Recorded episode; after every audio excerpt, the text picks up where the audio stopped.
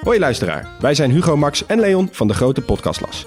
Wij zijn drie geografen en elke week behandelen wij een ander land. We bespreken onder andere de geschiedenis, politiek, natuur, maar ook de sport, de muziek en natuurlijk het eten. De nijlpaarden van Pablo Escobar, de vele bunkers van Albanië en het verschil tussen een sheik en een emir zijn zomaar wat voorbeelden die langskomen.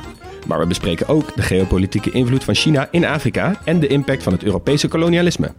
Luister dus wekelijks naar de audioversie van de Atlas, de Grote Podcastlas.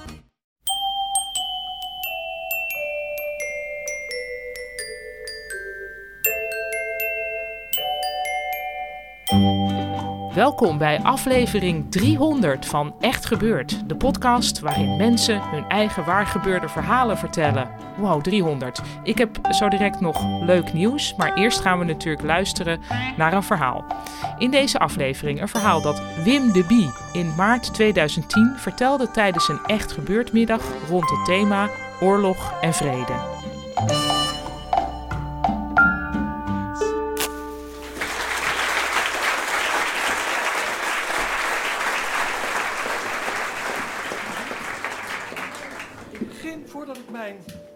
Gebeurd verhaal vertel, begin ik meteen met een coachadvies uit te delen. Als nationale mental coach vraag ik u, schrijf af en toe gebeurtenissen uit uw leven op. Dat is goed voor ons nationale collectieve geheugen. Eh, niet uitvoerig in een dagboek of op een weblog op internet, maar gewoon af en toe wat steekwoorden. En vooral wat details. Want de details maken dat uw geheugen het zich later herinnert. Eh, ik ga een echt gebeurd verhaal vertellen dat ik niet heb opgeschreven, want ik kon nog niet schrijven. Ik was vijf, vijf en een half.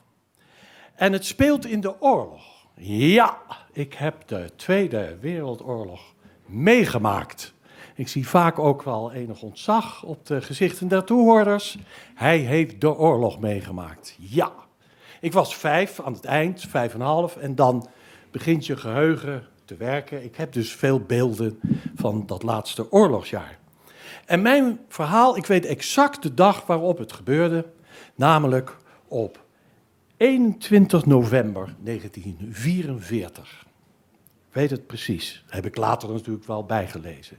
Ik woonde met mijn ouders in een rijtjeshuis in een straat in Den Haag. En op die dag vond in Den Haag een grote razzia plaats. Alle mannen in Den Haag van tussen de 17 en de 40 jaar moesten op straat gaan staan en dan werden ze opgehaald en getransporteerd naar Duitsland om daar te werken bij de verdedigingslinie. Dus eh, ze moesten tankgrachten graven of in de munitiefabrieken moesten ze werken. Tussen haakjes, in Nederland zijn tussen de 4 en 500.000 mannen zo afgevoerd. En er zijn er honderden, misschien duizenden niet van teruggekomen. En dit even los van het allergrootste drama natuurlijk, dat was toen al gebeurd, dat er honderdduizend burgers uit hun huizen zijn gehaald, uh, weggevoerd en vermoord. Maar op 21 november 1944 kwam de oorlog in Den Haag voor de Haagse burgers dus heel dichtbij. Het begon om vijf uur s ochtends, het was donker, november. En toen werd de stad door duizenden soldaten helemaal omsingeld en afgegrendeld. En in alle brievenbussen van Den Haag viel een stukje papier. Werd erin gedouwd. Ik heb dat hier bij me. Dit is wat bij mijn ouders in de bus werd gedaan, om s ochtends heel vroeg. Het bevel staat erboven. Op bevel der Duitse Weermacht moeten alle mannen in de, in de leeftijd van 17 tot en met 40 jaar zich voor de arbeidsinzet aanmelden. Precies omschreven wat ze bij zich moesten hebben. Tot slot, op hen die pogen te ontvluchten of weerstand te bieden, zal worden geschoten. En mijn vader was 39 jaar. Die viel precies in de gevarenzone. En hij deed wat duizenden mannen in Den Haag deden: iets verzinnen om de dans te ontspringen. En mijn vader had één ding alvast voorbereid. Hij had zijn persoonsbewijs vervalst.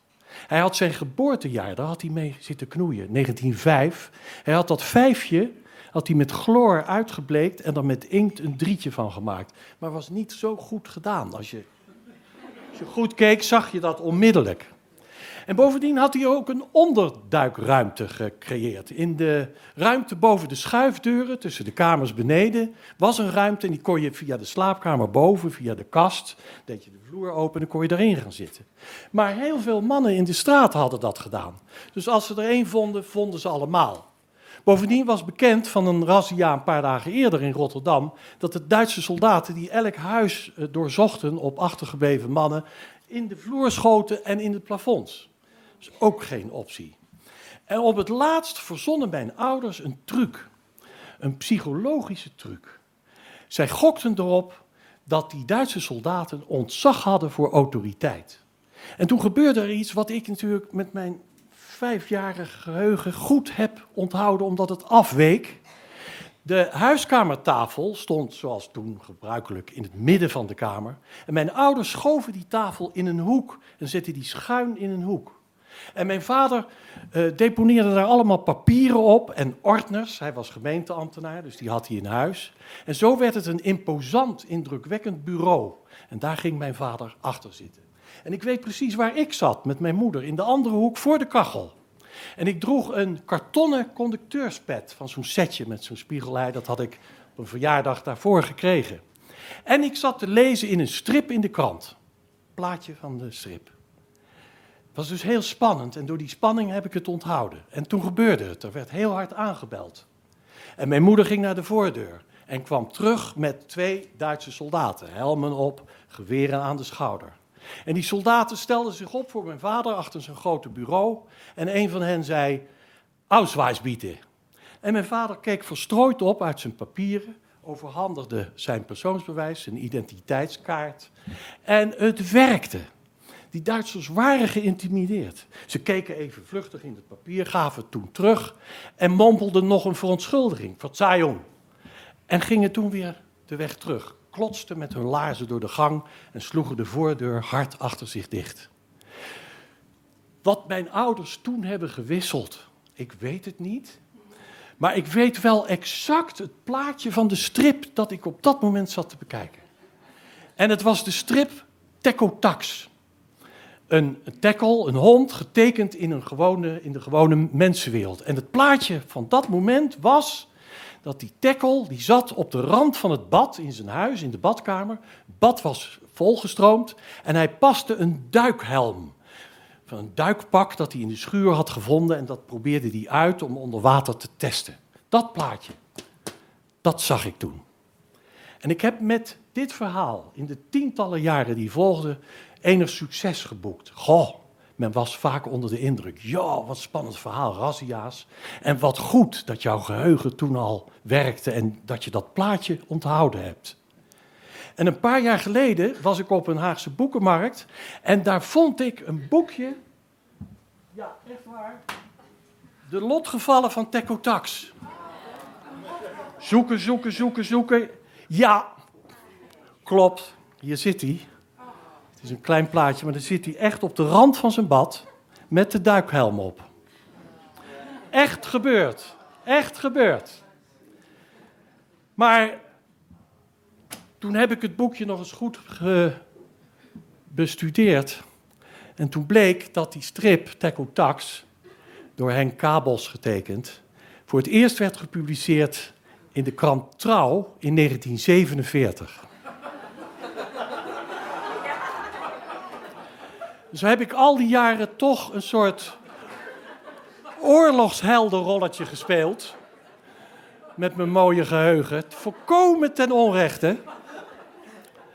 En daarom zeg ik, als nationale mental coach.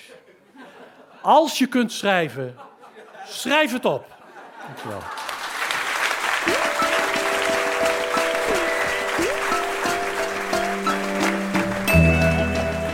Dat was een verhaal van Wim de Bie. Met excuses voor de geluidskwaliteit die in onze eerste jaren nog niet helemaal zo goed was als tegenwoordig.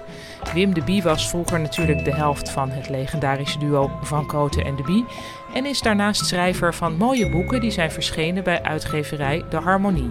En laat dat nou toevallig ook de uitgever zijn van een cassette met drie bundels echt gebeurd verhalen, die over een kleine drie weken op 18 mei verschijnt onder de titel Echt gebeurd op papier. Je kunt die cassette nu al bestellen via de website www.echtgebeurtoppapier.nl. Tot 17 mei betaal je er 25 euro voor en na die datum is de prijs 29,90. Dan kun je hem natuurlijk ook gewoon kopen en bestellen bij je lokale favoriete lokale, lokale boekhandel. We zetten ook een link in de show notes uh, van deze podcast naar echtgebeurtoppapier.nl.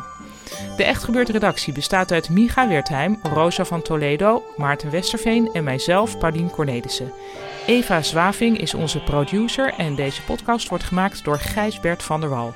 Dit was onze 300ste aflevering. Tot volgende week en vergeet niet, zelfs je belangrijkste herinneringen kloppen misschien totaal niet, maar daarmee worden ze nog niet onbelangrijk.